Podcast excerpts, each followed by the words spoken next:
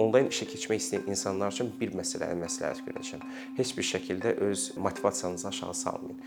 İş tapmaq bir qədər daha çətin olacaq bu sahədə. Çünki istədiyiniz sahədə, istədiyiniz kimi həm məvacibə, həm iş şəraiti uyğun şəkildə iş tapmaq bir qədər çətin olur. Xüsusilə də bu normal həyatda da belədir, ancaq onlayn bazarda bir qədər daha çox.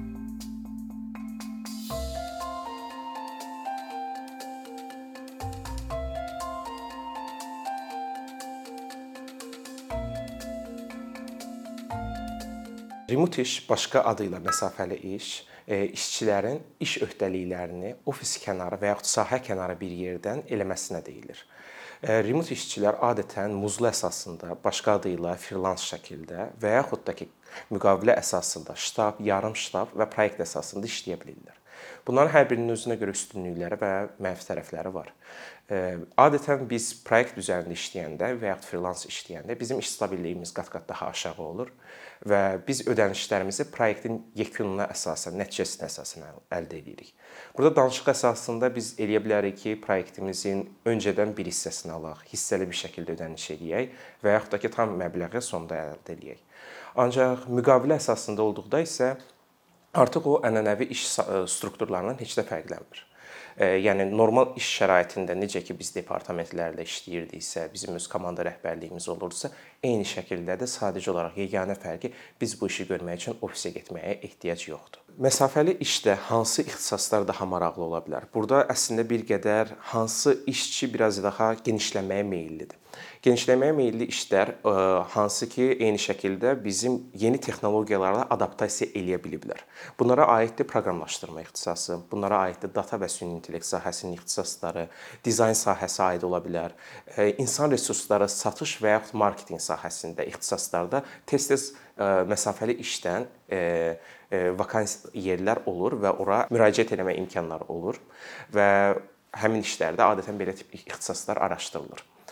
Bunların içərisində proqramlaşdırma, süni intellekt və dizayn sahəsi nisbətən daha çox axtarılan, daha tələbatı yuxarı olan ixtisaslardır, amma digər ixtisaslar üzərində də işləmə imkanlarınız olur. Məsafəli işin tapılması bir qədər çətin prosesdir. Çünki bir məsələni nəzərə almaq lazımdır ki, hər bir ölkə hansı ölkə olmaqdan asılı olmayaraq ilk növbədə öz marağındadır ki, öz əhalisi iş tapsın işsizlik səviyyəsi ölkə tərəfindən adətən bu iş strukturlarına, şirkətlərə qoyulmuş bir tələbat olur və bu baxımdan da e, şirkətlər ehtiyac yaranmadığı təqdirdə onlayn şəkildə başqa ölkələrdən işçi axtarmırlar. Bu səbəbdən belə bir məsələ yaranır ki, sizin əgər ixtisasınızda yenisinizsə, e, sizin onlayn remote işə keçmə imkanlarınız çox-çox qıt olur.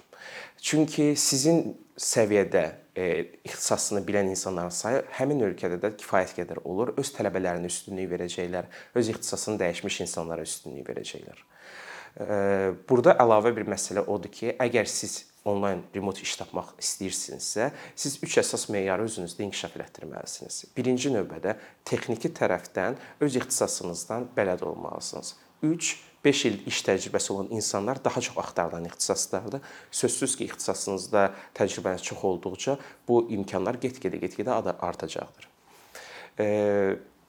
İxtisasınızı yaxşı bilməyinizin nə kimi əhəmiyyəti var? Həmin şirkət hansı ki, misal üçün şirkət yerləşib Polşada. Artıq sizin ixtisasda, sizin sferanızda e, mütəxəssis öz ölkəsində tapmaqda çətinlik çəkəcək. Və həmin vaxtda artıq axtaracaq ki, başqa ölkələrdə özlərində olan həmin o boşluğu doldura bilən hər hansı bir mütəxəssis varmı? Bu birinci səbəbdir. İkinci məsələ isə sizin kommunikasiya bacarığınız çox yaxşı olmalıdır. Dil biliyi çox üstünlükdür. Yəni siz heç bir şəkildə öz nitqinizlə bir problem yaranmamalıdır. Siz qarşınızdakına tam problemi çatdırmalı, eyni şəkildə də qəbul etməlisiniz. Nə qədər çox dil bilginiz olarsa, o qədər yuxarı e, ehtimal var ki, siz onlayn şəkildə, remote şəkildə iş tapa bilərsiniz. İngilis dilini əgər çox yüksək bilirsinizsə, əksər ölkələrdə belə bir iş imkanı olacaq. Adətən şimal ölkələrində Avropanın şimal ölkələrində, Amerika, Kanada, Avstraliya, Yeni Zelandiya kimi ölkələrdə ingilis dilində birbaşa işçi axtarılır. Ancaq bir qədər daha konservativ ölkələrdə, məsəl üçün Fransa, İtaliya, İspaniya kimi ölkələrdə olan işçilərin sayı nisbətən daha azdır və adətən öz dilini bilənlərə üstünlük verilir. Yəni siz əgər həmin bazara daxil olmaq istəyirsinizsə, fransız dilini, italyan dilini öyrənməyə e, sizi tələb qoymaq ehtimalları çox yuxarıdır. Üçüncü məsələ odur ki, sizin insani, sosial bacarıqlarınız çox yuxarı olmalıdır. Bizdə axtarılan bir neçə e, yumşaq bacarıq vardır. Məsəl üçün çox güclü adaptasiya bacarığınız olmalıdır. Siz e, özünüzə təmiz yad olan bir sahədə işləməyə başlayacaqsınız. İxtisas sizə yeni deyil, ancaq həmin insanların həmin ixtisasdakı problemləri necə həll elədikləri artıq təmiz yeni bir metodologiyaya çevrilir. Əgər siz almanlarla işləyirsinizsə, onların adət-ənənələrinə, iş etikasına uyuşmalısınız.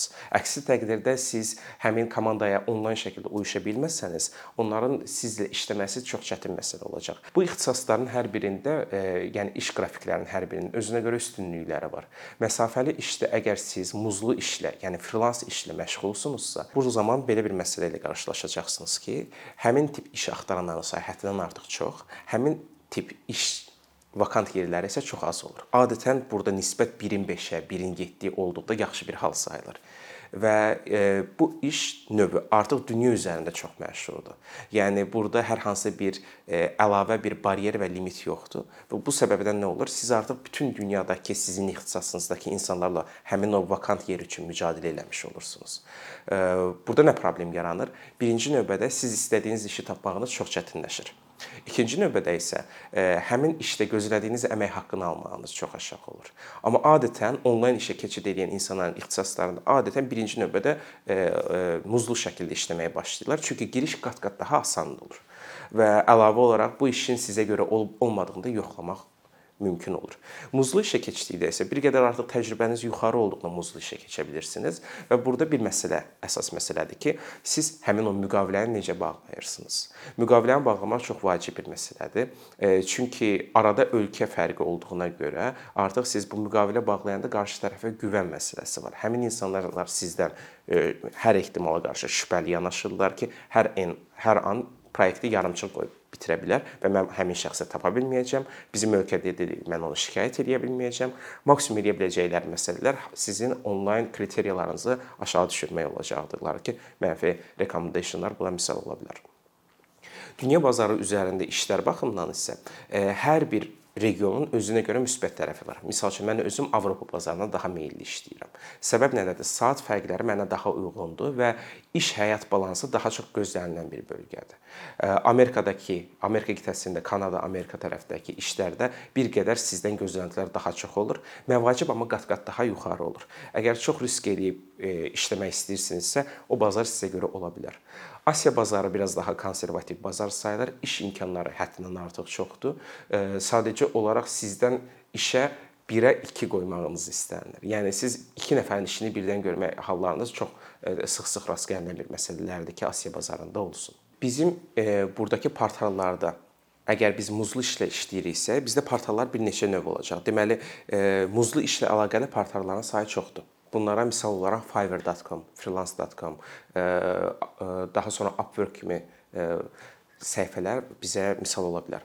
Bunlar adətən nə edirlər? Sizin gördüyünüz işdən faiz olaraq özlərinə qazanc götürürlər və ancaq sizə verdiyi üstünlük nədir? Birinci növbədə sizi bazarın içərisinə qoyurlar və təkliflər artıq həmin bazara gəlir və siz o layihələrə özünüz e, namizədlik irəli sürürsünüz. Qarşı tərəf əgər bunu istəyirsə, sizi sevirsə, sizin göstəriciləriniz özlərinə uyğun gəlirsə, sizlə kontrakt imzalayırlar.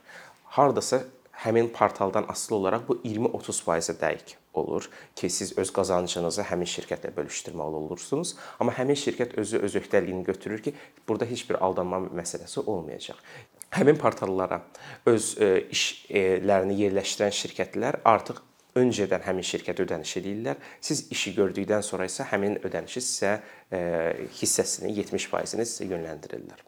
Belə olduqda bir qədər ehtiyatlılıq aşağı düşür, ancaq yenə dediyim kimi çox böyük bir hissəsini artıq siz vergilərdən qabaq həmin şirkətə vermiş olursunuz. Və burdakı məvacibin də qat-qat aşağı olacağını nəzərdə tutun. Çünki artıq bu bazarlar müəyyən dərəcədə artıq orada mütəxəssis sayı çoxdur. Yeni gələn insan özünü doğrultması üçün bəzən olur 4-5 ay çox aşağı məbləğdə proyektlər götürməli olur. Belə olduğu zaman nə olur? Siz ilk 4-5 ay məvaciniz çox aşağı, iş yükünüz həddindən artıq çox olur. Siz öz portfelinizi genişləndirməli olursunuz. Siz daha çox şirkətlərlə, daha çox proyektlər görüb öz reytinqinizi qaldırdıqdan sonra artıq daha yuxarı məvacibli işlər götürə bilirsiniz. Muzlu işlə əgər siz keçdikdən sonra müqaviləli sahədə işləməyə, müqaviləli sahədə işləmək üçün isə bir qədər fərqli yanaşmaya ehtiyac var. Bu zaman şirkətlər özləri həmin ə, applikasiyalarda istifadə eləmirlər, birbaşa olaraq öz vakant yerlərini onlayn şəkildə paylaşırlar.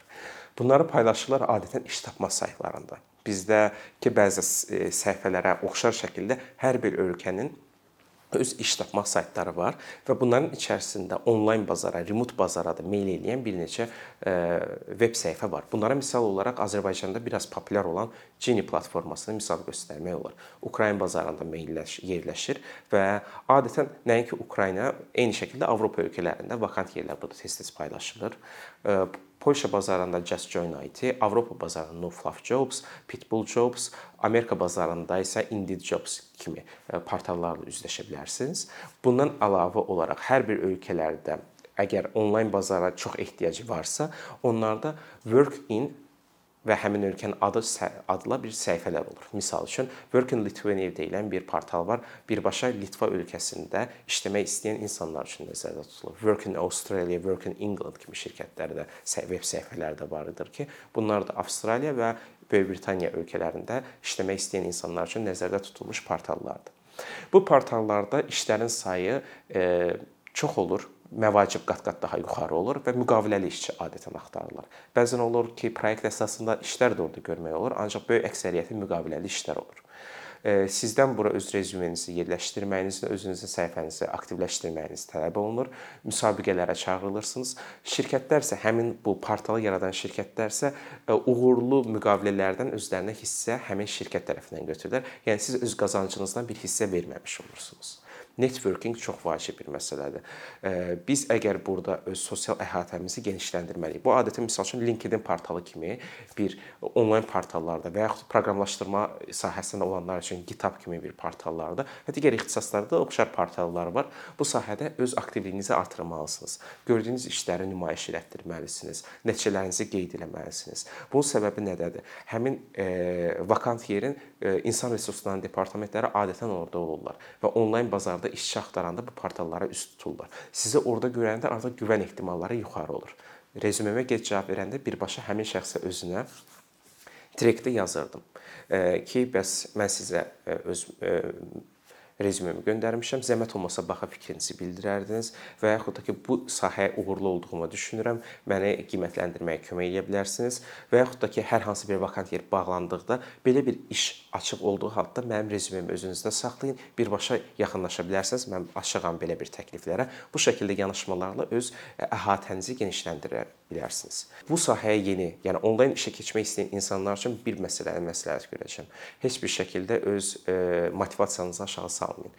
E, iş tapmaq bir qədər daha çətin olacaq bu sahədə. Çünki istədiyiniz sahədə istədiyiniz kimi həm məvacibi, həm iş şəraiti uyğun şəkildə iş tapmaq bir qədər çətin olur. Xüsusilə də bu normal həyatda da belədir, ancaq onlayn bazarda bir qədər daha çox. Mən özüm öz istədiyim sahədə layihələr tapmazdan qabaq hardasa e, minə yaxın rezümə göndərmişdim dünyanın hər bir ölkəsindən. Kolumbiyada da bir proyekt işləmişəm, Cənubi Afrika Respublikasında da bank sektorunda bir proyekt işləmişəm. E, Taylanddan təkliflər gəlmişdi, Yaponiya. Yəni dünya üzərində çox geniş bir sahədə hansı şirkətdə hər imkanı dəyərləndirməniz gərəkəcək. Siz Azərbaycanda bu sahədə işləyirsiniz və istər Azərbaycanda işləyən bir sahədə olduğu kimi siz vergi verməyə məcbursunuz. Öz e, qazancınızdan, öz mənfəətinizdən vergi verməli olacaqsınız. E, verdiyiniz bu vergini artıq digər şirkətlərdə işləyəndə adətən özlərinin maliyyə şöbəsi bunu artıq sizə eləyir. Ancaq onlayn şəkildə işləyirsinizsə, bunu özünüzün üzərinə düşür. Bildiyiniz kimi Azərbaycanda 3 fəaliyyət növü var e, biznes sahəsində. Bunlardan biri də fərdi sahibkarlıqdır. Siz əgər onlayn şəkildə işləyəcəksinizsə, mütləq şəkildə fərdi sahibkar olmalısınız. E, fərdi sahibkarlıq olmaq üçün birinci növbədə siz bir asan imzaya ehtiyacınız var. Asan imzanı aldıqdan sonra asan xidmətə yaxınlaşırsınız. Hansı sahədə işləyəcəyinizə dair məlumat verirsiniz və onu qeydiyyatdan keçirirsiniz. Daha sonradan siz bizim vergilər portalında, e-taxis portalında ə, öz səhifənizi aktivləşdirirsiniz. Ondan sonra bir bank hesabınız mütləq olmalıdır. Bu cari bir hesab olmalıdır. İstədiyiniz hər hansı bir bankda bunu açdıra bilərsiniz. Ə, Seçdiyiniz bankda öz sənədinizin dublikatını göndərirsiniz. Orda minimum bir AZN hesabınız olmalıdır. Başqa istənilən hər hansı valyutada da hesab aça bilərsiniz. Siz özünüzdə əgər bir e, valyuta üzərində hesab açdıqda bu sizə icazə verəcək ki, tranzaksiyalarınız daha sürətli bir şəkildə baş versin, e, dəyişilmələr olmadan və daha sonradan bunun üzərində öz verginizi verəcəksiniz.